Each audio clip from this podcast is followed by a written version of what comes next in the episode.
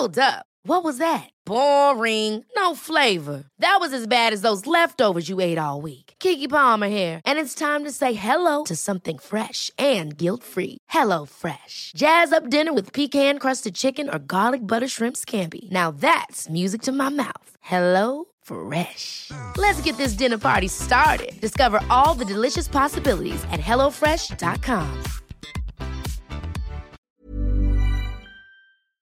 Jag tror vi tänker, är det två, ungefär 3000 tankar per dag. Eh, och det är väldigt mycket tankar och vi tar 2500 beslut. Det finns säkert nya forskningar på det här nu. Men av 2500 beslut så kanske vi tar tre viktiga beslut. Och det kan ju vara allt från att byta sida i tidningen eller röd och grön strumpa eller ska in på den här appen eller så.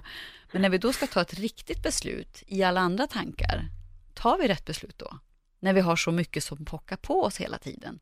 Och det är ju det där jag tänker att det är då vi blir ofta vingliga också i, i vårt personliga ledarskap. För att vi tror att vi tar rätt beslut.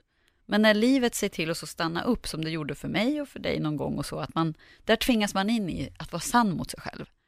Där tror jag också det finns en avsaknad idag att man undgår gärna sanningen.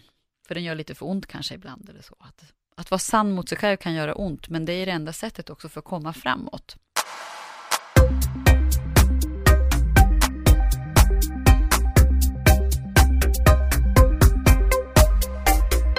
Maria Svanström, välkommen till och podcast. Tusen tack! Du är här för att eh, Linda har rekommenderat dig. Ja. Linda Sundblad. Stämmer bra. Linda är Ja. en mycket god vän till mig. Vi jobbade tillsammans på ett skivbolag för många år sedan. Mm. Och sen så tog vi hand och blev vänner för livet. Och jag släpper henne aldrig. Nej, det är så. Härligt. Härligt. Eh, är och jag är lite så att om hon rekommenderar en person, då, då går jag liksom bara på att hon har rätt. Mm. Så eh, det här får bli li- liksom så här Paul lär känna Maria avsnittet. Ja. För, för jag vet egentligen ingenting. Det är det som är så himla mysigt och härligt tycker jag. Ja, men jag vet så mycket som att du har jobbat här i huset på Nordic Entertainment Group väldigt länge sedan. Så eh, första frågan blir egentligen, vad hände sen? Vad hände sen? Bra start faktiskt. Ja, Jag var med om en cykelolycka när jag jobbade här. Så mitt nyckelben ben gick av på mitten. Och jag opererades och hamnade i ett läge i livet där jag blev eh, deprimerad för första gången. Jag mötte mig själv i en stillhet. Jag är en människa som gillar att röra på mig mycket, men var tvungen att vara stilla, för det var inte bara nyckelbenen som gick sönder, det var hela jag, mer eller mindre. Och då när man möter sig i det där, så blir ju sanningar ganska uppenbara. Vem är jag? Vad vill jag? Vart ska jag? Och där och då kände jag att jag hade varit i mediebranschen i väldigt många år. Jag bodde i Australien också i sju år och jobbade på radio där bland annat och tv och film och sådär. Och då kände jag att jag kanske var lite klar med det där på ett sätt och blev ju jätterädd. Vad vill jag då? Och vem är jag utan journalist-Maria och reporter-Maria? Och det var så härligt på ett sätt att få möta sig i den där sorgen och rädslan för att kunna utvecklas och kliva vidare. Och det gjorde jag och så började jag arbeta med en utbildning för företag i tillväxt som hette Academy of Excellence, där man utbildade entreprenörer och chefer och VDR inom att bli framgångsrika och nå sina mål. Och vi arbetade med då tio av Sveriges bästa föreläsare och jag började jobba med dem och de här grupperna då och tänkte att det här är ju fantastiskt. Vad härligt och nu börjar jag förstå vem jag är. Jag är ju också en entreprenör på ett sätt. Och började ifrågasätta vad jag är bra på. Varför är jag omtyckt av andra? Om jag är omtyckt av andra och hela den där biten. Och prata kan jag. Och då kände jag, jag vill börja motivera andra och följa sina drömmar och mål. Och det var så jag började bli inspirationsföreläsare. Eh, sen tog det några år innan jag tog liksom klivet att började satsa på det helt och fullt ut. så. För det är ju en resa man gör både med andra och, och liksom sig själv också i att vad är det jag ska prata om då? För prata har jag alltid kunnat liksom, men prata är ju också att lyssna på andra. Vad är det för behov som finns och så. absolut. Men jag vill backa bandet lite där. Ehm, var det skadan som gjorde att du kom till en insikt med att du hade placerat dig själv i det här lilla magiska facket som man så lätt gör? Ehm, eller var det någonting som du redan var medveten om innan? Eh, det var skadan som fick mig att stanna upp som livet gör. Utan den hade jag bara liksom sprungit på i mitt liv och inte tänkt till och stanna upp och reflektera, för det visste jag inte riktigt vad det var. Jag tyckte heller inte om att vara ensam vid det, vid det året, liksom 2010, 2011 någon gång var det här. Men med skadan som blev så blev jag vän med ensamheten. Och jag tvingades in i en stillhet för att möta mig och gå igenom bagaget som jag hade samlat på mig. Jag har ingen, alltså jag har haft en fantastisk barndom med underbara föräldrar och så, men man har ju alltid bagage mer eller mindre. En destruktiv relation som hade tagit ganska hårt på mig och fått mig att tappa självkänsla och självförtroende och sådär och, och liksom man, man, möter sig i, vad gjorde den med mig och vad gjorde Australien med mig? För jag saknade Australien. Och jag saknar Australien än, absolut. Mm. Men vad det gjorde med mig och då att få verktyg till att förstå vad det här betyder. Jag trodde att kärlek, att Australien var kärlek till exempel, men det var det inte, det var enbart saknad när jag liksom benar upp det. Um, och att förlåta sig själv och förlåta andra för att kunna gå vidare och sådana saker. I det liv jag levde, för då hade jag bott i Sverige i två år ungefär, där gick allting väldigt, väldigt fort. Och det kan det göra med Maria Svanström överlag. Eh, många tror att jag är liksom eh, fullt ut hela tiden, men jag har ett oerhört behov av att återhämta mig och vara tyst och samla mig och av med telefon och vara i naturen, för det är där jag hämtar min kraft. Men det visste inte jag då, för då gick allting så väldigt fort. Och och det var inte att jag inte var liksom medveten om det, det var val jag gjorde av att ha jobb som gick fort, till exempel här på MTG då, när jag jobbade som pressansvarig, att hålla många bollar i luften och allt det där har alltid varit min grej mer eller mindre.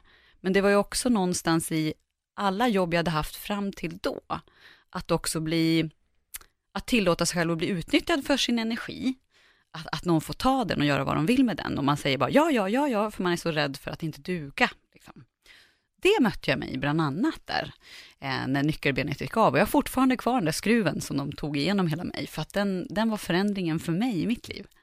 Men hur mycket fick du vara ensam? Jag tänkte, du fick inte jobba och, eller Nej. det blev en lång, lång sjukskrivning då eller? Jag var eh, sjukskriven i sex månader och under de månaderna så, så, så, mötte jag mig i en depression, för att när jag mm. inte får röra på mig, när inte jag får endorfin och dopamin och de här ämnena i min kropp, då blir jag väldigt låg. Liksom. Men sen hade jag mycket verk, eh, för det var inte, alltså nyckelbenet gick av, men det var ju andra delar i kroppen som fick sig rejäla smällar också.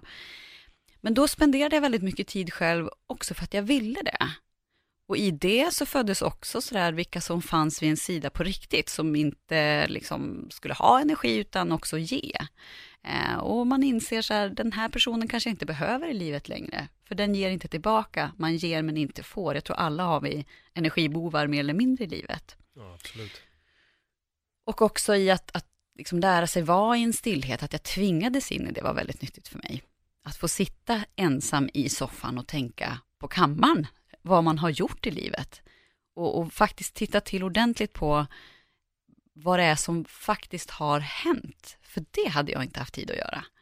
Det var så, ja idag kan jag le och titta på det liksom med ett skratt, men då var det jättejobbigt. Väldigt jobbigt. Så då gick jag hos en terapeut för första gången i mitt liv, som var fantastiskt. Jag tror du har intervjuat henne också, Elora. Elora. så, så det var helt underbart att få verktyg i livet, som jag använder än idag. Och jag är så tacksam för den där tiden.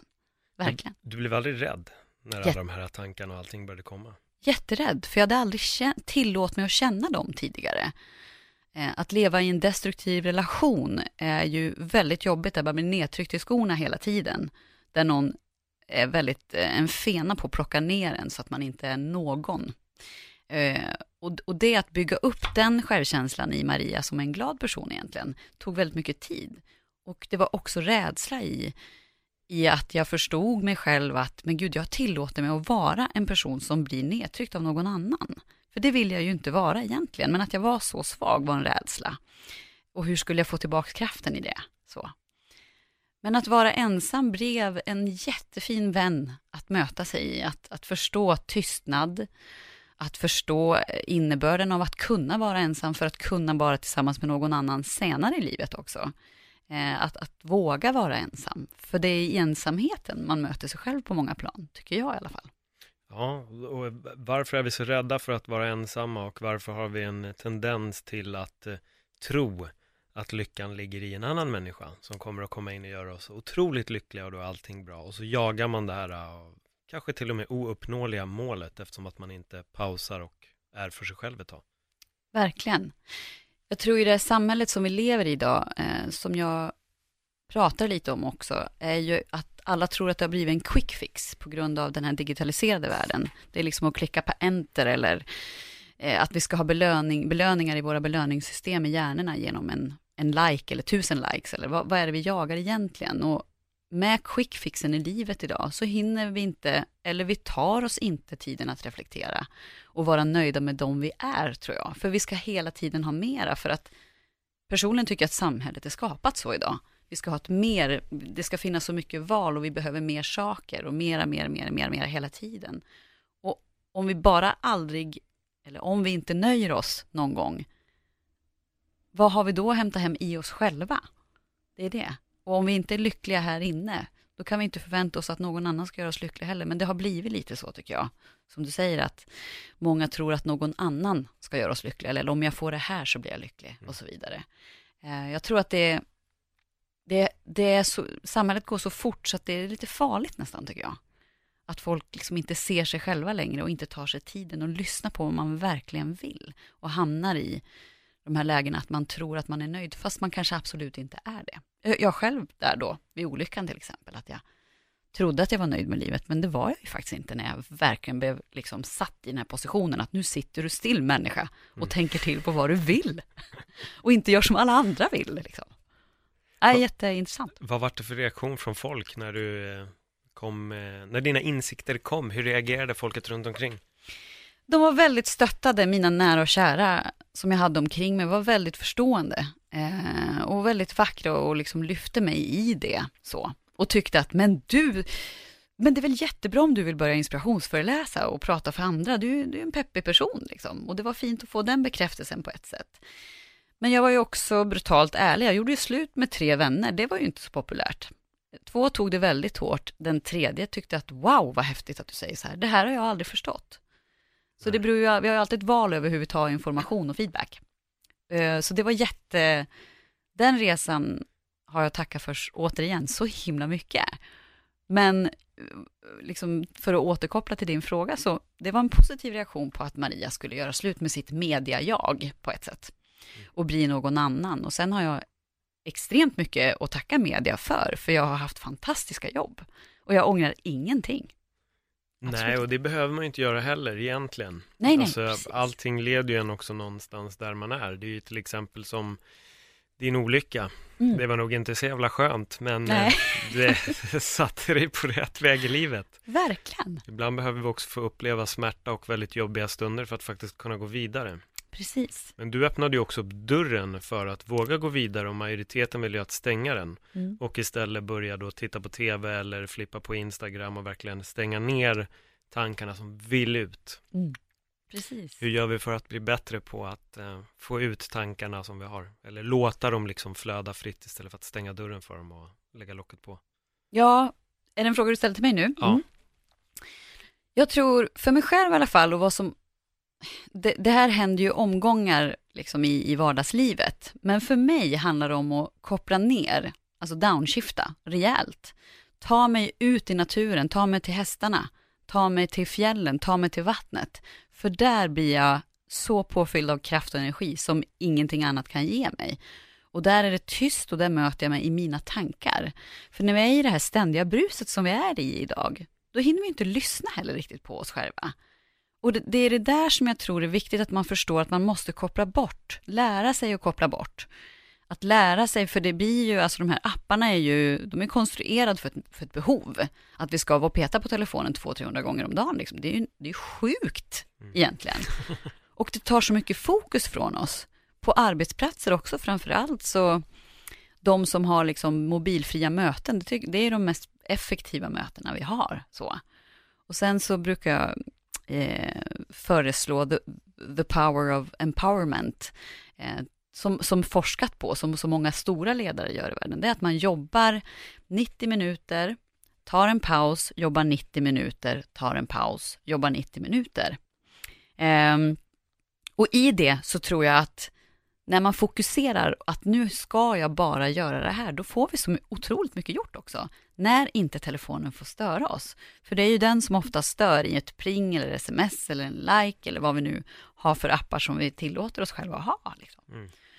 Och då tror jag att, eh, jag märker själv ett, ett bra exempel på när, jag, när det blev för fullt i min hjärna, när jag upptäckte det mer än någonsin, det var, jag hade föreläst för ett gäng influencers, det här var i januari. Och det var ganska utmanande att få föreläsa för människor som, som då använder appar och den här digitaliserade världen så oerhört. Liksom. Jag vill ju inte, jag kan tycka om att provocera, provocera men, men på ett positivt sätt. Men vad som hände efteråt, det, vis, det, visste jag ju inte om, men det var ju också så här, när man är influencers, då delar man ju allt. Så jag var ju, ja, delade i mycket for, olika forum hos de här olika bloggorna, eller bloggerskorna, eller vad kallar de, Blog, bloggerskorna. Mm. Och det plingade och man ville ju vara, man var ju tacksam, oerhört tacksam över att få synas i deras forum och man ville svara och mitt i allt annat som också hände. Och då kände jag så här, det bara blev liksom som en elektricitet i hjärnan. Det, jag hann inte tänka utan jag gick bara in automatiskt och gjorde saker. Och det för mig var Eh, ett wake-up call att herregud vad min hjärna inte mår bra av när det plingar hela tiden. Och då var det också extremt mycket. Eh, sen också igen då när jag tog ett, när jag varit ledig nu över sommaren och, och, bestämde mig för att gå in i ledigheten med att vara telefonfri. Så mycket som det gick i alla fall. Eh, så bara på en vecka vad som hände med mig. Jag blev så mycket mer närvarande, jag kom ner i min andning mycket bättre, jag fick mycket mer kraft och energi. Nu är jag ju en person som, jag ser alltid till att vara nära vattnet för det ger mig så mycket kraft så jag har inga ord för det. Men när jag var i det och nära det och bort med telefonen, det som skapades och energin och kraften i tankarna och vad jag verkligen, vad, vad kommer att hända i höst, vad är det jag vill nå, och vart, vad är det jag ska satsa på? Det blev så tydligt för mig. Och också i att det blev det för att jag valde bort telefonen och har den nära mig. Och då, jag, läst, jag läser ganska mycket om hjärnan, jag tycker neurologi är fantastiskt och sådär. Jag är nördigt intresserad. Men, men det är ju inte för inte det finns forskning på det också, att vi behöver vara i oss själva och för oss själva för att kunna bli klara i vad är det jag vill och få vårt fokus tillbaka. Mm. Och i fokus så ligger också attityd, tror jag. Vilken attityd vi har mot andra människor. När vi är mer fokuserade och, och, när vi kommunicerar framförallt på ett bättre sätt, när vi är klara i vår kommunikation. För det här digitala språket, det, är ju också, det går ju också så fort. Och att när våra hjärnor är fyllda av massa andra saker, jag tänker bara på en vanlig relation när du kommunicerar hemma, så säger du en sak men tänker en annan. Och det kan ju bli oerhört fel i kommunikationen, att man förväntar sig att sin partner ska förstå vad det är man säger. För att man har lärt känna varandra så länge, att den här man hamnar i en, fort, i en sorts comfort zone, även i en relation ju, i kommunikationen, om du förstår vad jag menar. Ja. Så det är ju också sådär att hur vi kommunicerar idag på grund av allt digitalt som är. Säger jag vad jag verkligen menar eller säger jag det i slang eller pratar jag som jag skriver? Eller liksom, det är ganska intressant när man börjar titta på det. Jag tänker också på företag att det där är ganska intressant över hur man kommunicerar. Och säger man verkligen som det är eller tar man för givet att de förstår de här tre raderna som kanske innebär sju eller åtta rader till? Och, och clearar man i samtalen eller mötena, förstod du vad jag menade nu? Så. Um, så det där är väldigt intressant och jag kan ta ett exempel som jag brukar ta när jag föreläser, men jag reste på Nya Zeeland eh, för många år sedan och mötte en kille som heter Jake som var kapten på en båt.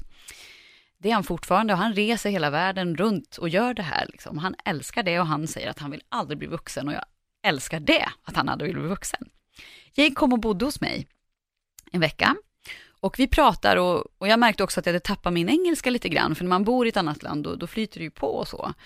Eh, men man sa ja fast man kanske menar nej och du vet sådär. Vi hade en bra kommunikation eh, tyckte jag och det var superhärligt att ses. På fredagen så skulle jag, eh, han iväg och kitesurfa. Eh, så att när fredagen väl kommer och jag ska skjutsa honom så frågar jag om adressen. Och eh, Jake säger, ja han tog fram något papper och så bara, ja, I'm going to Sundbyberg.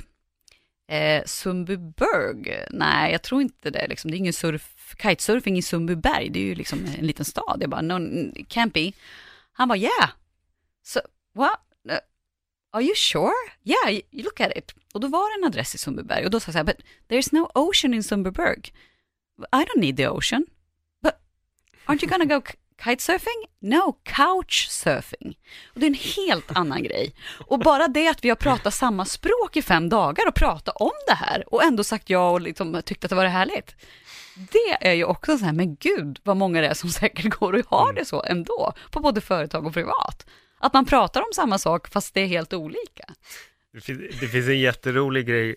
Det här är, det är jättemycket folk som, eftersom att jag jobbar med MMA så vet jag att det är många som lyssnar, följer MMA som, hur som helst.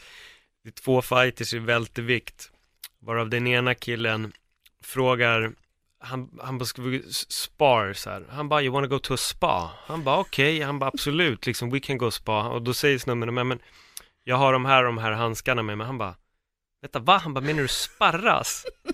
Han bara, yeah, yeah, yeah. Han bara, shit, han bara, förlåt. Han bara, trodde du menade att du ville gå på spa. Så han säger spar och han tolkar det som spa. Så då, för båda, den ena är från, vad är det, från Liverpool. Oh, Och den andra är liksom råamerikan. Så det blev bara en brist i kommunikation. Han tänkte, fan han jag trodde att du ville gå och köra lite bubbelpool och steambastu. Men okej, du vill sparras? Ja, ja, ja, absolut, vi kan göra det. En jätterolig video när de står och diskuterar, så totalt missförstånd.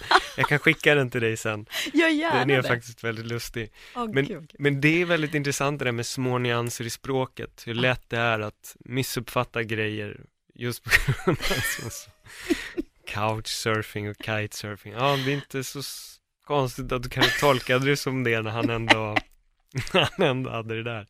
Jag kan uppleva personligen när jag skriver mail och sms, jag kan vara väldigt kort. Mm. Ehm, och det är inte för att jag är otrevlig, det är nog bara för att ibland skrivs det så jävla mycket att jag orkar inte så här Tjena, läget, bla bla bla bla, ibland gör jag det. Men sen ibland vill jag bara så här, här är informationen som behöver komma fram. Men då undrar jag också, fan, jag har tänkt på det ibland, folk kanske misstolkar mig jättemycket, kanske tycker att jag är skitotrevlig, men jag försöker bara vara snabb. Mm. Det är egentligen det enda. Finns det någonting som, som du känner till om det? Ja, men ja, det, jag känner ju igen mig i det där, givetvis. Och jag tänker också, just nu håller jag på med ett oerhört kul projekt som har med naturen att göra och har raggat sponsorer till det här projektet. Och när det kommer till business, då är jag otroligt kort. Då går jag rakt på sak på en gång. För jag har inte tid med någon lullull, hej hur mår du och hur var veckan och hej på mig. Alltså de där grejerna, nej. Hej och direkt på, rakt på sak för att kunna komma till punkt liksom. Och det märker man ju också, även om jag får någonting så vill jag ju bolla tillbaka, jag har inte tid att skriva alla de här trevliga grejerna. Så business för mig, det är raka puckar och det kan kanske låta kort och otrevligt, men det är det enda sättet, för vi har inte riktigt tiden att liksom lägga, göra utlägg idag känner jag. Men det är också samma på på sms med vänner och sådär. Jag kan också vara väldigt kort. Men ibland kan jag överflödas av kärlek och när jag känner enorm tacksamhet för människor som jag har i mitt liv, då vill jag överösa dem med kärlek och då det kan ju också bli så här, man kanske inte riktigt har tid att läsa alla de där orden eh, så rakt där och då, så kanske man inte får något svar. Och igen, jag vet att du och Linda pratade om det här med förväntningar. Liksom. Mm, mm. Eh, Och det där lär man sig ifrån till hela livet. Men jag tror, svara, bara det är ju jätteviktigt. Att svara på kommunikation överhuvudtaget, så att man vet att, att någon har fått det man ville. Mm. Sen är det ju upp till mig hur jag väljer att läsa det, men det är ju återigen det där med utropstecken eller punkt. alltså, och vilket mindset vi valde för dagen. Är jag på ett dåligt humör och det står ett utropstecken, då tar jag ju kanske illa vid mig. Ja. Men det behöver ju inte alls betyda det. Det kan ju vara ett utropstecken med energi liksom. Så det där är ju, jag tror att man alltid måste försöka, jag brukar säga att människor tar sig på så, själva på så stort allvar. Eh, och, och ta sig ur sig själv eh, och många gånger. För att livet är inte så jäkla viktigt liksom. Och ett sms ska inte få förstöra en dag, eller förstår du? Det, det kan bli att, vad är det som är viktigt egentligen i mitt liv? Och är det någonting som är missuppfattat i det där korta smset, då får man ju fråga då. Ja, exakt. Vad, vad, förlåt, men, men nu missuppfattade jag dig eller så. Det finns också ett, ett fint exempel som, som ingår i, liksom i, i föreläsningen faktiskt, eller om vilken nu än jag har, så just med kommunikation. Så eh, jag pluggade, har pluggat business på distans från New York hos en, en stor idol till mig och inspiration heter Marie Forleo. Känner du till henne? Eh, nej. italiensk-amerikanska, alltså en energikick utan dess like. Hon är fantastisk och hon är världsledande inom marknadsföring och digital marknadskommunikation. Då har hon en gäst hos sig som i sin tur heter Brené Brown som har forskat på det här med kommunikation. Hon är oerhört intressant. Och då tar Brené liksom ett exempel på hur vi också kan i våra aphjärnor som ofta är den här rädsla-hjärnan, liksom att vi, vi, vi ofta går med, med den här rädslan påkopplat. Eh, då, då tar, har hon ett scenario där hon har suttit hos Marie i studion. Eh, de är klara med intervjun, låt säga att du och jag är klara med vår intervju och går härifrån nu sen. Eh, då tar hon det här exemplet att, att hon säger till Marie, tack snälla för att du tog hand om mig idag, för att jag fick komma till din studio och vara med i din podd då, till exempel. Och Marie fnyser till. Eh, och genast sätter den här Brené igång sina tankar att, men herregud, nej, hon gillar inte mig. Hon tycker jag var totalt värdelös. Nej, det här går inte alls. Nej, jag skulle aldrig ha åkt på den här intervjun, för hon, hon, hon tycker ju att jag är en loser. Nu gjorde jag bort mig i sändning. Liksom. Och skapar då på så sätt en känsla i sitt känsloregister och i sin, i sin kropp. Så att hon bär med sig det lite tunga sinnet när hon sen kommer hem, får telefonen från sin dotter som har lånat bilen men fått slut på bensin och ber att hennes mamma ska komma och hämta henne. Varpå Brené då har kvar känslan och blir arg på sin dotter. Men herregud, tänker du inte längre än repet läcker? Liksom? Her du må, fattar väl att du måste tanka bilen? Liksom. Och fortsätter i den här dåliga energin för hon tycker och tror att Marie fnös åt henne. Istället för att rätta till problemet och fråga, nej men gud, fnös du till nu? Eh, är du miss, är du, tyckte du att det gick dåligt? Liksom? Och från att då ställa den frågan så säger Marie då, nej jag har lite problem med knät bara, jag ramlade till, fortsätt gärna.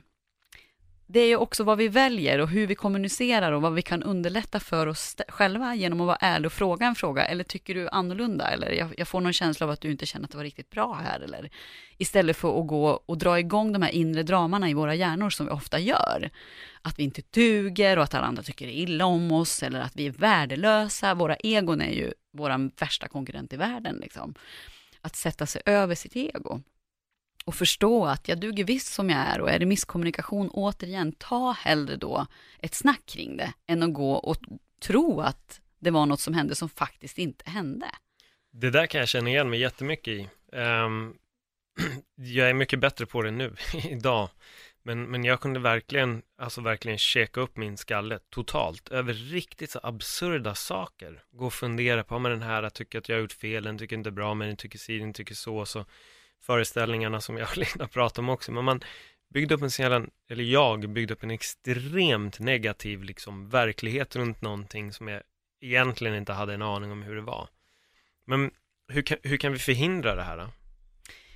Ett jättefint tips mm. från en munk som heter Björn Natthiko Lindblad. Känner du till honom? Nej. Han levde i, som munk i 17 år fantastisk fantastiskt inspirerande människa. Han säger så fint att när vi har de här inre dramarna, gå till våra sinnen istället. Vad luktar det här? Vad, vad, känner jag? Vad ser jag? Så att vi plockar bort hjärnan ett tag. Att vi går inåt istället och känner och försöker hitta någonting som triggar igång vår lycka. Eh, för att plocka av det här som, som inte är sanning oftast. Och ta reda på vad är det som triggar mig nu egentligen? Också när man har de där dagarna, för alla har vi dåliga dagar när man går och tycker att man är en värdelös person och så. Och det finaste man kan göra då, det är att ge någon annan en komplimang eller en liten present eller något. För när vi ger så mår vi bra och mottagaren mår bra och man skapar en god energi. För att komma ur den här cirkeln av negativitet. Liksom. Jag brukar också föreslå en dopaminlista. Tio saker som man skriver ner som gör en glad. Det kan vara musik, jag älskar ju musik. Eh, det kan vara foton eller träna, tycker jag väldigt mycket om för att få tillbaka min energi. Eh, vad som är personligt för den som behöver sin dopaminlista. Skriv ner tio saker och, och ta fram den där. Liksom, när man har de där dagarna och framför allt gå till dina sinnen istället. Var inte uppe i hjärnan där det är kaos, för ofta är det det. Och framför allt, ta inga beslut när du mår sådär och har de där tankarna, för då tar vi fel beslut och då går vi verkligen i fel väg i vårt liv. Så att vänta och ta beslut i draman när de pågår här inne, varmt tips. Mm, jag vill ju en, en liten varningstext bara när det gäller musik. Ja! För eh, jag kan vara ett ganska stort fan av lite deppig och dyster musik. Ja. Och den hjälper ju liksom inte när du är deppig, så vi kanske ska tillägga positiv musik. Ja, ja, men faktiskt. Faktiskt, eller både och. Eh, ibland kan det vara skönt att få ur sig, om du förstår vad jag menar. Ja. Eh, både på pos- alltså få ur sig den här positiva energin eller den negativa. Att, att tillåta sig att vara i det där då, men att inte fastna. För man, jag brukar säga att det här var väldigt intressant. Jag föreläste för en nätverksgrupp här under hösten, för ett år sedan snart, där jag sa så här, har ni en skitdag så ta den då, men låt dagen efter bli bättre. Varpå, det var bara chefer, en- man säger, ja, fast om min anställd har en skitdag, ska jag tillåta det då? Det går ju ut över alla andra. Utan den måste ju också på något sätt samla ihop sig och ta sitt ansvar. Och det där är ju jätteintressant också, för har vi en dålig dag i kommunikation igen, då tror jag det är bra att säga det till sina arbetskollegor att, vet ni, idag, jag mår inget bra. Så tro inte, för våra egon går ju igång, om det kommer in en person i ett rum som sinnestillstånd smittar ju. Så kommer det in någon som är på dåligt humör, då tror man ju själv att, jaha, vad har jag gjort nu då? Och så går man och tänker, så drar man igång de där grejerna igen. "Ah, Nej, nu sa jag någonting igår igen. Ah, och så är man igång. Fast det kanske inte alls handlar om det. Så man gör ju andra en tjänst också genom att ta sitt ansvar att okej, jag tar en skitdag, men jag talar om det för andra. Eh, och lyssnar på sina deppiga låtar, eller behöv, känner man så här, jag måste ur det bara, ja men på med en pepplåt liksom. Så, så det är så, igen, vi har alltid val. Ja. Så. För det hände lite mig, jag hade lyssnat på, jag tror det var Star Sailor och då hittade jag x antal låtar som jag tyckte var väldigt bra. De gick liksom lite på repeat och så kände jag efter några timmar, shit jag känner mig lite ledsen alltså. Jag bara, men vad fan det är ju musiken och så, så fort jag bytte så liksom vände det. Så musiken kan ju verkligen skicka en, en åt det hållet också. Ja. Men jag, tänk, jag tänkte på en grej, hur, hur skulle du säga att vi kan separera vårt ego och liksom hjärnan? Oj, jätte... Jag kan bara gå till mig själv. Eh, för mig, jag utövar medicinsk yoga, som är en yoga där man djupandas väldigt mycket för att komma ner i cellnivå. Där du verkligen i rörelse och i andning... Kundalini eller?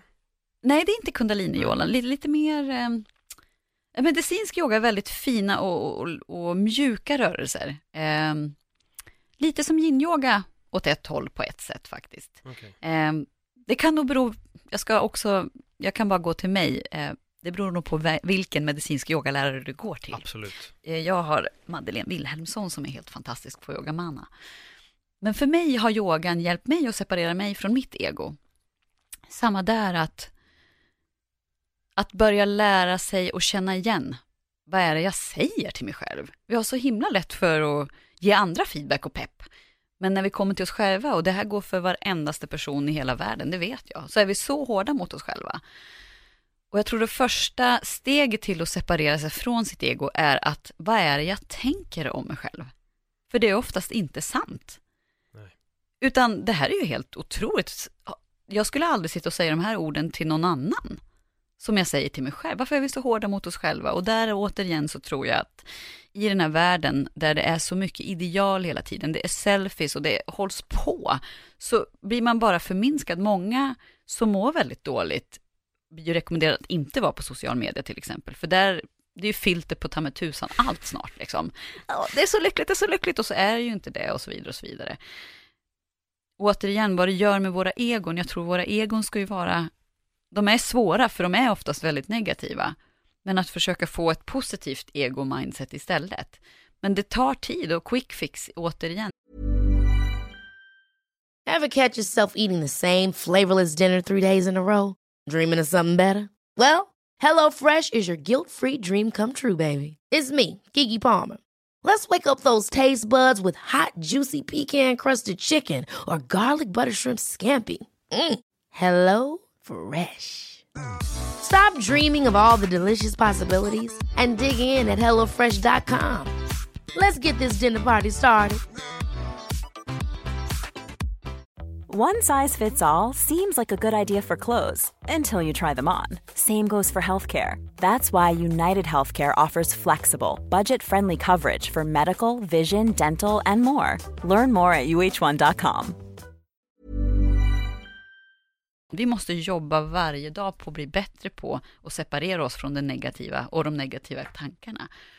För när vi, när vi lever i positivitet och, och, och lycka, det, då, då attraherar vi ju sådana saker till oss också. Men återigen, visst, vi kan ju heller inte rå på yttre omständigheter när vi förlorar när, när och kär, eller om, om någon blir sjuk, eller om jag själv blir sjuk, eller det, det är också sånt man måste ta hänsyn till, men också att man är inte sin sjukdom. Och har man förlorat någon, ta den sorgen och bearbeta den. Och verkligen gå in i den hellre då, än att skjuta den ifrån dig. Nu kommer vi ifrån ämnet ego här, men lite hur jag tänker kring det hela i alla fall. Så. Men jag kan också bara basera allt på mina egna erfarenheter och Såklart. hur jag försöker ta mig ur det och återigen lära mig att känna igen mina negativa tankar och boosta upp mig med träning eller positivitet eller liksom braga människor eller roliga klipp eller vad som helst. Mm. Men jag kan känna igen mig när du säger det här med, med lite deppig musik. Jag är förvånad, men jag har ju börjat kolla igen mig på Sons of Anarchy. Jag trodde ju aldrig att jag skulle, jag är en chick flickbrud liksom. Mm. Och bara tycker att det är bra. Men herregud, det mördas hit och dit och det är mycket blod och det är kärlek och det är allt möjligt. Men den är ju ganska deppig hela serien, den är ju mörk. Men jag tycker ju om att, men gud, jag tycker, jag tycker att det här är lite kul och bra liksom. Men har man då en dag när det varit mycket, och mina dagar kan se väldigt olika ut, men ibland är det jätte, jättemycket. Igår var det väldigt mycket hela dagen till exempel. Och jag kommer hem och jag, och jag liksom känner att nu måste jag varva ner. Sätter jag mig då och tittar på Sons of Anarchy, där det pangar och skjuts och hålls på, det är det sämsta jag kan göra. Så jag tror också att man måste bli bättre på att urskilja lite grann. Och det är någonting som jag tror att folk inte är så bra på. Alltså faktiskt, att eh, Mm. Som, du, som du säger, alltså egentligen kan en tv-serie påverka dig negativt. Jag, nu tänker jag lite på det här med att faktiskt vi lever i det konstanta bruset hela tiden. Vi kanske sätter oss och tittar på tv, vi sitter och flippar med telefonen och sen när vi går och lägger oss så, så börjar folk också säga, ja, ah, jag har insomnia, jag kan inte somna. Ja, det är för att den enda gången du ger din hjärna en paus, att få tänka, det är när du ska lägga dig. Så det är inte så konstigt att allting kommer, för att det får aldrig något utlopp under dagen. Precis. Är det någon länk man har kunnat se? Att vi är så stoppade och att det är därför vi liksom hamnar i de här tankevarven mitt på nätterna? Ja, jo men det tror jag nog absolut. Och, och sen så tror jag också överlag att man får schemalägga alltså reflektionstid för att inte det här ska komma i kappen på kvällarna när man har vargtimmen som man brukar säga. Liksom. Och där kan jag varmt rekommendera en app som heter Headspace eller Breathe, en, en ännu bättre app där du har jättemycket olika fina guidningar kring att faktiskt tappa tankarna, att ägna dig åt sömn istället. Eh, och den där appen rekommenderar jag till allt och alla, i alla fall Breathe, båda två. Eh, Breathe är väl kanske om man är lite mer, man kanske tycker att det är lite för flummigt så, men för mig, jag personligen har haft enorm nytta av den och känner att jag har lärt mig mycket om mig själv av bara hela appen, för du har så mycket olika saker i den. Eh, eller olika ämnen så att säga, om det, om det är att du behöver sömn eller bara varva ner eller att lyssna på vad du verkligen vill. Eller det finns fantastiska erbjudanden i appen i sig självt. Gud, nu är jag som en reklampelare för Breathe och Headspace här. Men, men det tror jag liksom att det är då, för det är ju också då det är tyst, det är mörkt och då kan vi möta oss själva för det finns inget som stör. Livsfarligt. Det är ju också så här att man ska stänga av alla sina advices en timme innan man går och lägger sig. Liksom. Oj, så att jag tror liksom att det där är, eh, det är inte för intet. Vi ska stänga ner och stänga av innan vi går till, sömn, till sömns. Och det värsta är att folk lägger sig med telefonen i sängen också. Mm. Och sitter och flippar och li- ligger med telefonen en timme innan de går och lägger sig. Och sen förstår de inte varför de inte kan somna. Nej men visst, och det här skenet gör ju också att vi blir påverkade, Blå där, ljuset, the blue ja. light liksom. Mm. Så att det är jätte... Ja, ib- ibland så kanske man tar med sig jobbet in i sängen i telefonen eller sådär. Man, man måste alltid ta sitt egna ansvar. Och jag vet själv hur det är, om jag har jättemycket och är stressad, då har jag ofta problem att sova. Eh, men med de här apparna kan jag ärligt säga, jag har fått mycket bättre sömn på grund av dem. Sen kan jag vara så taggad på saker så jag inte kan sova för det, då är det en annan grej. Liksom. Nej men precis, ja, men det är ju en, det är en alltså, barndagen innan julafton kommer ha svårt att sova. Men resterande dagar kommer de inte ha något problem. Precis, precis så. Precis så. Det kan finnas en yttre faktor. Men har du testat floating någon gång? Nej, Vet du vad det är? ja det vet jag. Ja, Har för- du? Ja, jag har gjort det två gånger bara faktiskt. Jag ville få det till fler, men jag har gjort det två gånger. Det är en väldigt speciell grej alltså. Mm. För där har ju den totala avstängningen. Mm. Det är becksvart, du ligger och flyter och eh, det är tyst. Mm. Och där börjar ju dina tankar att cirkulera väldigt, väldigt fritt. Eh, jag tycker det är otroligt skönt, inte bara psykiskt utan fysiskt. Mm. För man kan verkligen känna att muskler separeras, alltså att, att skelettet kommer att vilja dra ut musklerna åt rätt håll eftersom att du är tyngdlös. Mm. Ehm, bara för det måste jag faktiskt gå och floata någon dag, för Ja, det var det väldigt, väldigt länge sedan. Ja. Nej, men jag kan rekommendera att testa. För där, som sagt, du är där inne i en timme, du kan ta längre tid också. Men där är du ju helt intvingad till din egen ensamhet och dina egna tankar. Mm. Ehm, så det, det tror jag nog är positivt för folk som kanske har svårt för den där grejen. Jag, jag tycker det är så roligt också med yoga när folk säger Gud, jag är alldeles för stressad för yoga. You need it so badly. Ja, det är precis därför du behöver det. Om, om du säger att du är för stressad för yoga, om någon skulle säga Alltså jag är nog lite för avslappnad för yoga. Okej. Alltså, Fine by me. Men om du är för stressad för yoga, då bör du gå dit. Mm. Då Ja, bör du verkligen. verkligen gå dit.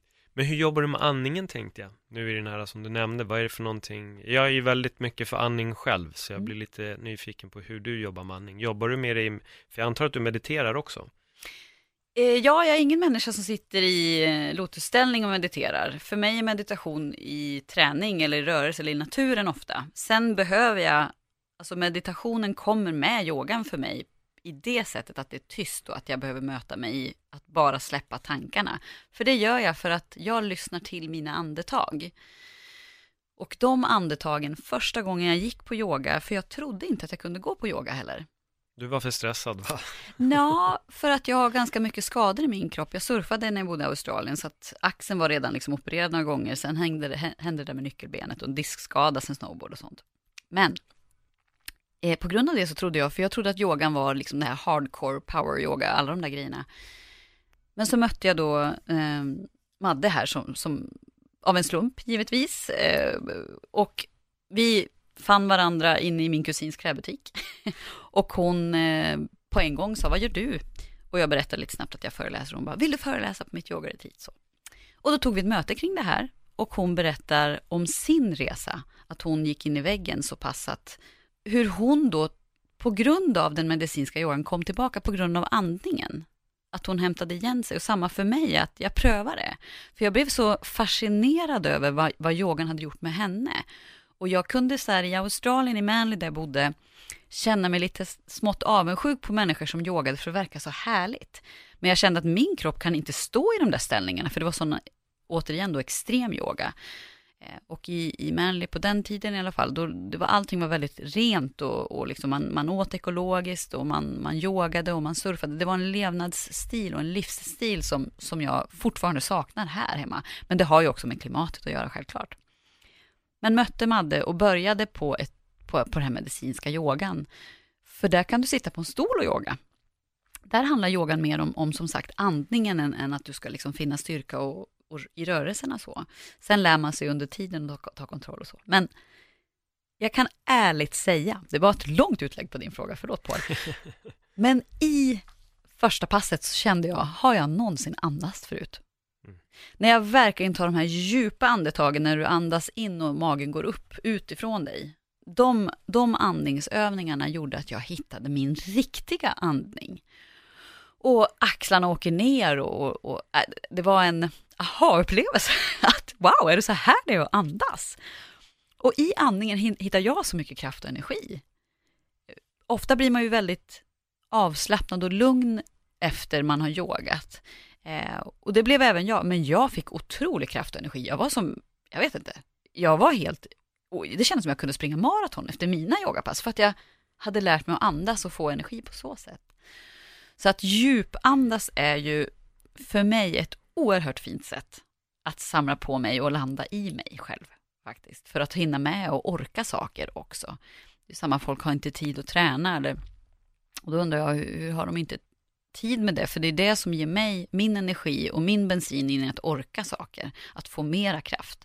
Men vi är alla olika och jag, jag, jag dömer absolut ingen, utan för mig är det viktigt att planera in tid för, för yoga och träning för att jag ska orka med mina dagar. För jag tycker väldigt mycket om livet, jag tycker om mina dagar och, och vill få ut så mycket som möjligt av det. Så.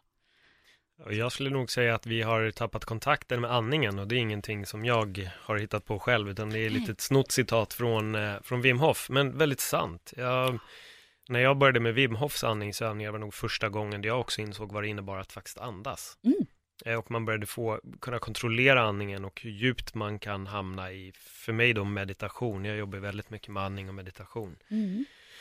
Och bli jättegrundad i andning. Så det är någonting jag utövar dagligen. Mm. Så är det dagliga andningsövningar som jag sitter och gör. Antingen på morgonen eller på kvällen. Antingen långt eller snabbt. Alltså tidsmässigt då. Mm. Långt eller kort. Det är Mm. väldigt beroende på. Men varje dag så finns andningsövningarna med. Mm. Och precis som du säger också, det här med att verkligen få ner andetagen till magen.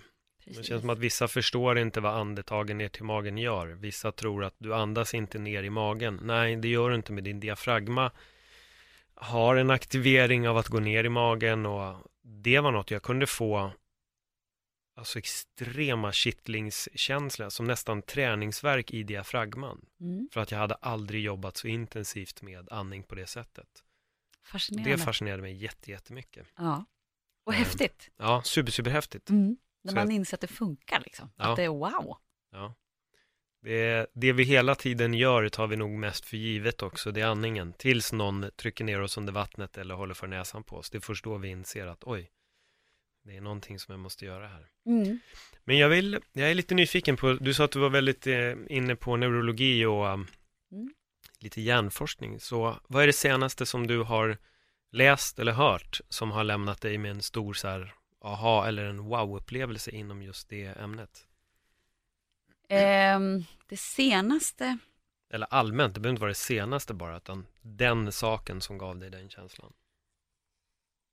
ja nej, men det som jag också själv lever efter, att vi kan, allting är föränderligt. Vi kan absolut förändra våra tankemönster varje dag, men vi måste ta oss själva den tiden att bryta och där ingår ju egot bland annat. Att allting är möjligt. Och jag, det, det, det förankrar sig också i, i att inte ge upp. Liksom. Men att vi har små nervbanor och, och, och stigar här inne som vi själva har gått upp. Jag tänker, eh, liksom ett exempel är ju ett barn föds in till den här världen med inga som helst referensramar. Utan de lär sig ju efter sina föräldrar ofta och sina kompisar som de får och så går de in i livet och får de här ramarna beroende på vem eller hur de växer upp. Och samma för oss, att vi får ju referensramar som vi ofta får från andra, att så här ska det vara. Men det där är också väldigt spännande när vi inser att så här, men återigen då för att lära sig att ta de här reflektionstiderna. För det är då man förstår, men vad är det jag kan göra? Det här är ju faktiskt möjligt. Många är ju rädda och jag vet att du Linda pratar om comfort zone väldigt mycket och så, att man stannar i det och just också vad andning gör med våra hjärnor, att, de öpp- att det öppnar upp och att vi blir mer klartänkta. Även i naturen, vilken kraft det har på våra hjärnor, att man också befinner sig i en tystnad där man lär sig att höra sina tankar på ett sätt.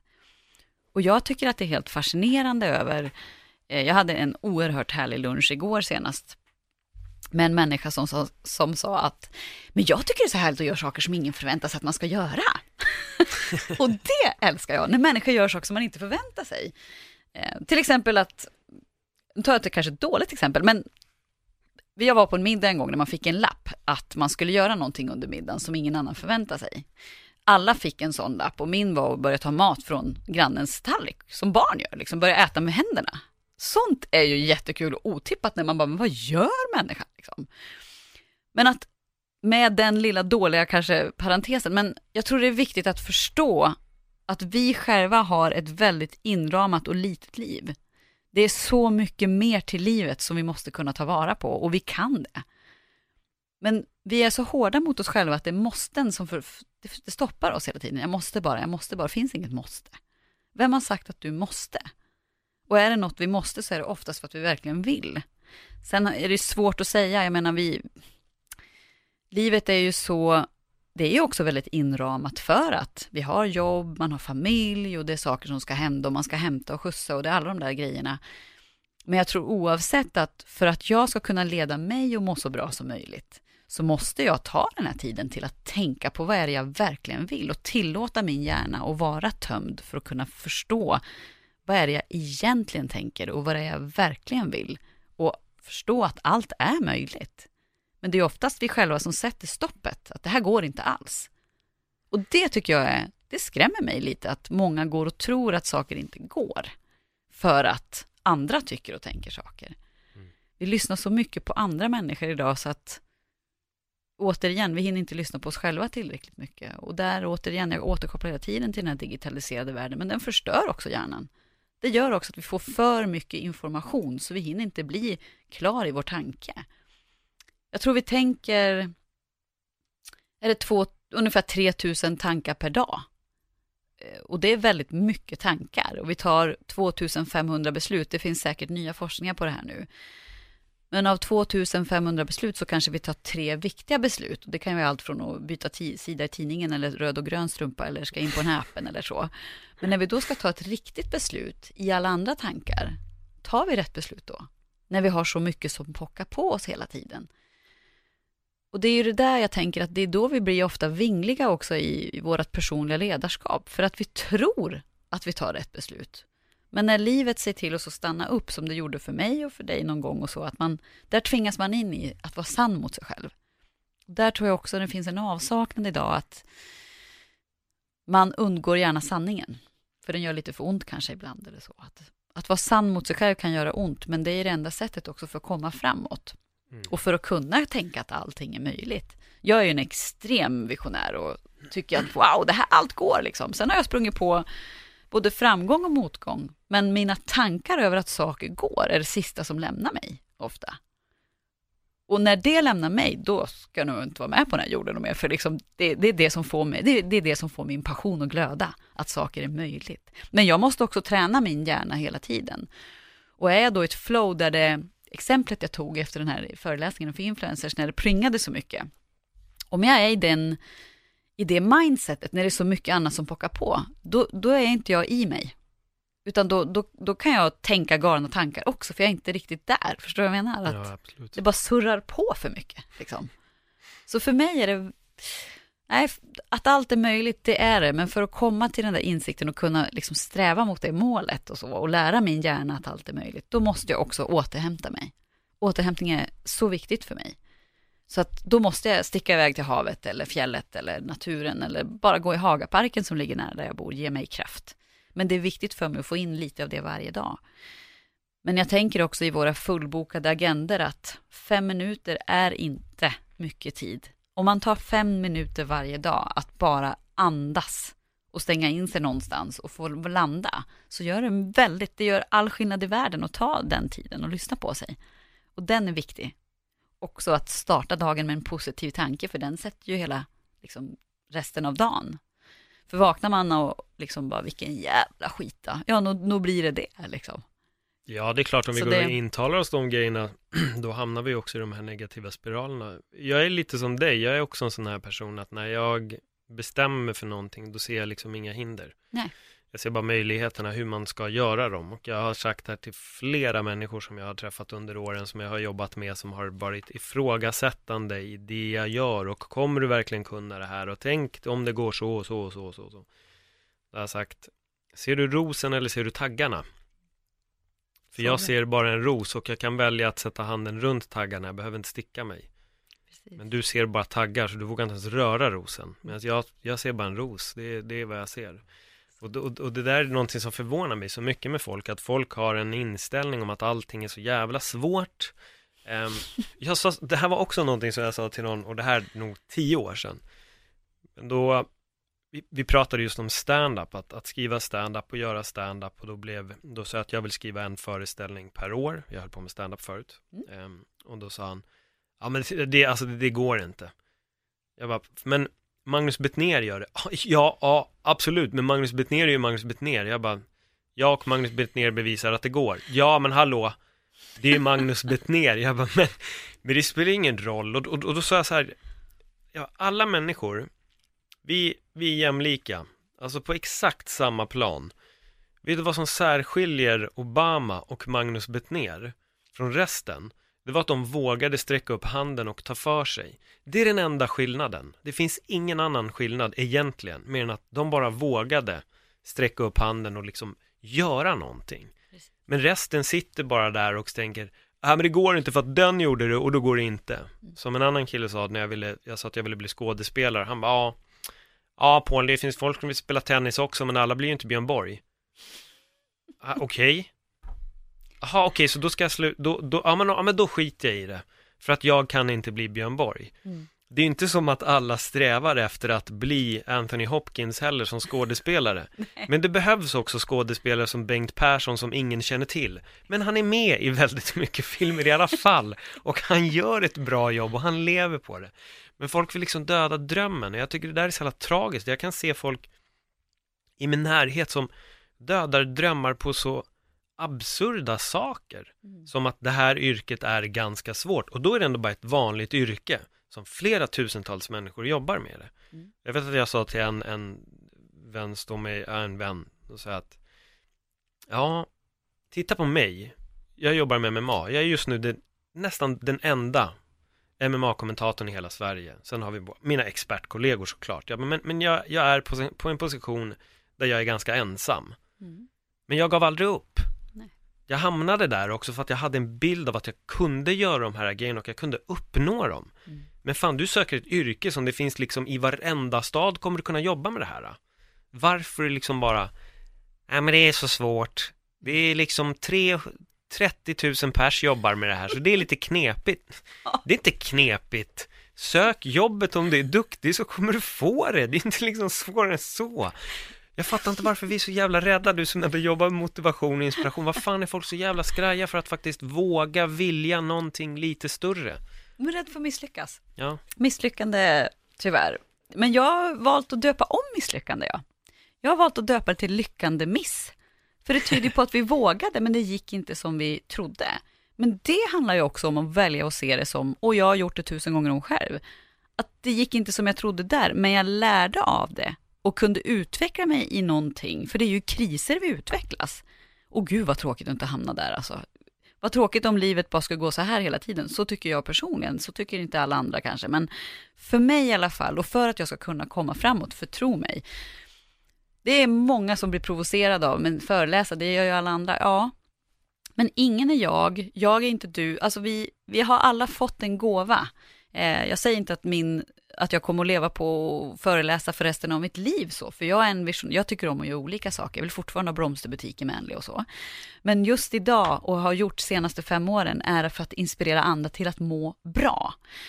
Eh, Att komma över den här trappsteget av misslyckande, när man kommer över det och förstår att man kan lära av det och våga satsa, det ger ju också fuel into yourself, liksom, att du, du vågar fortsätta framåt. För att, hallå, vi lever, vi dog inte av det där. Liksom. Det är ju, om man väljer att, att tro på misslyckanden, ja då blir det så. Väljer vi att tro på någonting som vi verkligen vill, ja då blir det så. Jag har jobbat i snart tio år med, mer än då kanske, att sätta upp mina mål varje nyårsafton, varje nyårsdag. Sätter jag upp hur jag vill må, hur, vad det är jag vill uppnå och hur, hur jag vill, vad jag vill åstadkomma, så ska jag säga. Och jag skämtar inte.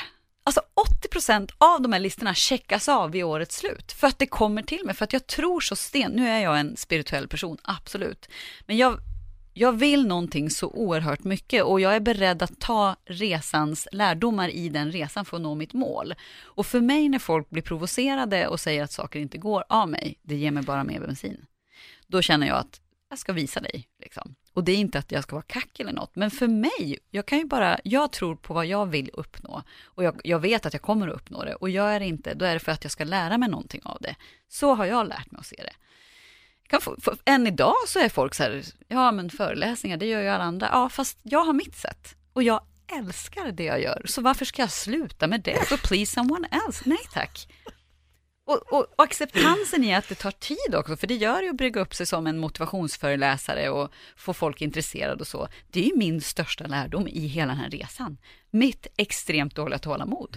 Och där har jag återigen förstått att om inte jag blir vän, jag blir vän med min ensamhet, jag måste bli vän med tålamodet och acceptansen i det för, för att kunna komma vidare. Så, nej men alltså, det finns en hel lista på saker som, som jag har gjort, säkert du med, över det här ska jag göra. Jag skulle vinna, vinna Tjejvasan också utan att ha åkt, liksom. jag har åkt längdskidor men jag har aldrig tävlat. Eh, och liksom bara, "Nej, jag ska göra det, jag ska vinna. Så jag liksom tog ju kontakt med en PT och det här var faktiskt i samband med att jag började jobba på skivbolaget, så att då försvann ju både tid och rum, liksom fanns ingen tid alls. Men, men jag började och mitt mindset var att jag ska vinna.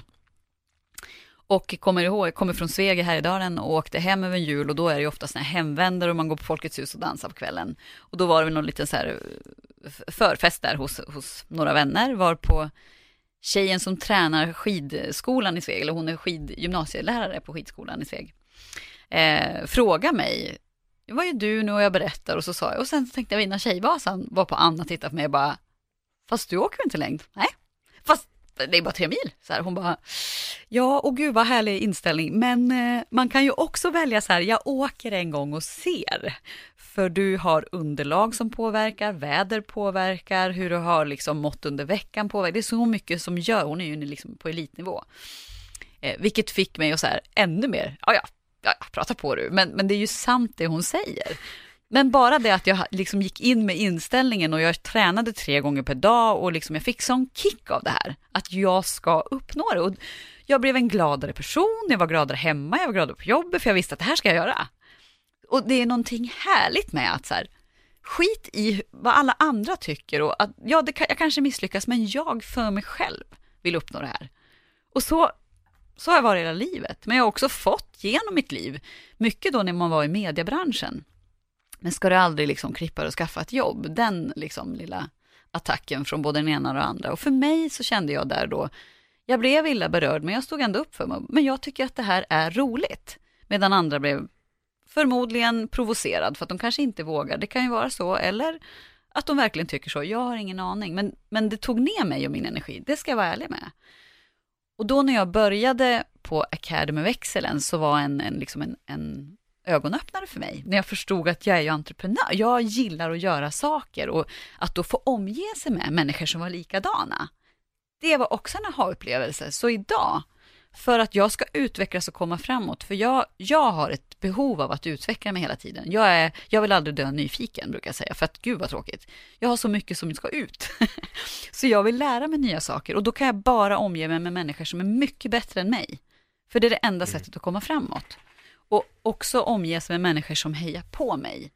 Och det är en handfull. Och jag, som livet är, jag har mycket att göra och jag tycker om att jobba och det har jag alltid gjort. Men det är lika viktigt för mig att få spendera tid med nära och kära och få tiden i naturen. Och där måste man också säga nej till andra saker, för säger du ja till någonting så säger du nej till någonting annat.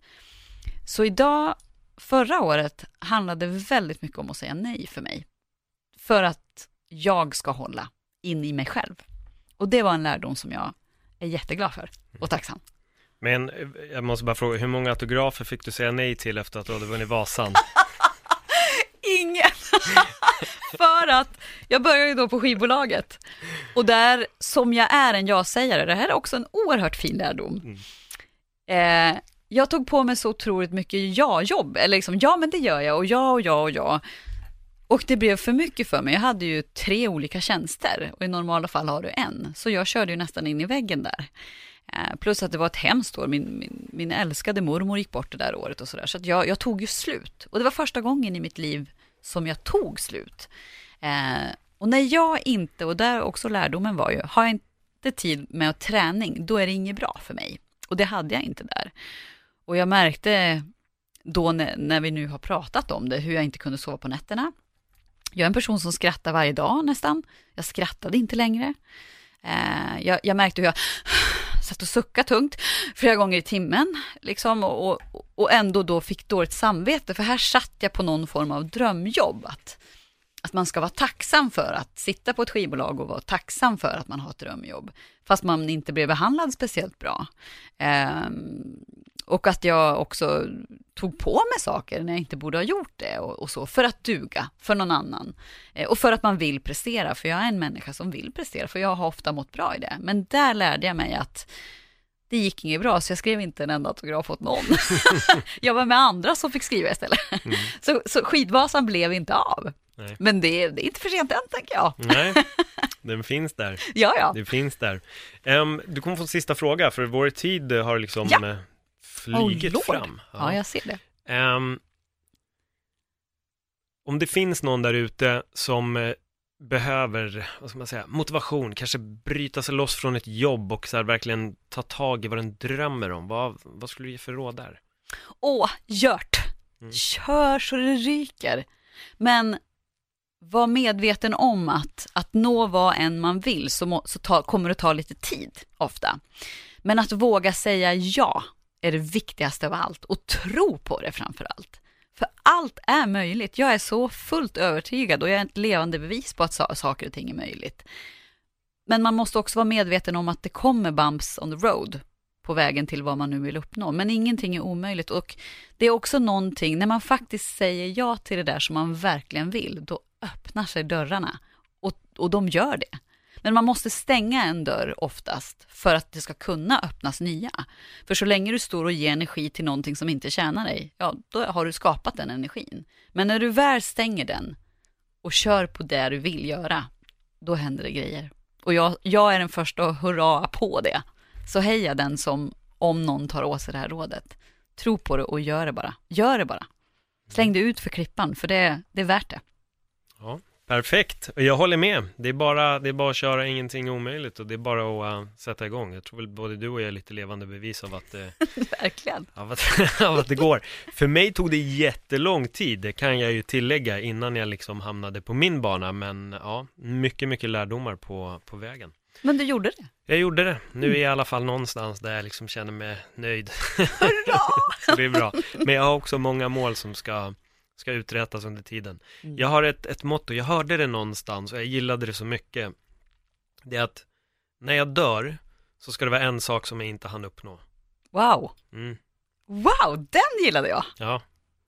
Den, den copy-pastar jag tror jag. Ja, gör det, gör det. Och det, det har varit lite mitt motto, att jag vill alltid ha någonting, jag vill, det, det ska vara en sak som jag inte hann uppnå när jag dog. Mm. Då har jag levt ett liksom äventyrslystet liv och haft mycket väldigt kul på vägen. Ja! Och det behöver inte bara vara karriär, det nej, kan nej, vara nej. egentligen vad som helst, att bara resa någonstans eller få någonting gjort. Och, man ska, jag, jag vill inte ha hunnit med allt. Nej. Jag tror att när man har hunnit med allting, då har man redan omedvetet klivit in i, halvvägs in i graven lite. Det lite tror jag så. också. Jag tycker man märker det också att på människor, jag tittar lite på Clint Eastwood, han är ju så här jätteinspiration för mig. Vad är han? Han är väl över 80 bast och fortfarande regisserar världens så här stor mäktiga filmer och verkligen så här passionerad till sitt yrke. Göran Zachrisson som jag hade här, 80 år gammal, jobbar fortfarande i bygget och fortsätter kommentera golf och jobbar med journalistik och Nej, det är mäktigt. Det, det är, mäktigt, mäktigt verkligen. Ja, hamna någonstans att man inte behöver gnälla om att pensionen är skit. Det är mm. nog lite ett så mål för mig också. Ja, heja. Ja. Check på den alltså. Heja, mm. verkligen. Maria, tack för ett jättebra samtal. Detsamma på, tack för att jag fick mm. komma. Tack så jättemycket, tack så mycket. Och till er som har lyssnat på podden och gillar den, ja, dela den jättegärna på era sociala medier så blir jag superglad. Tills nästa gång, hej då!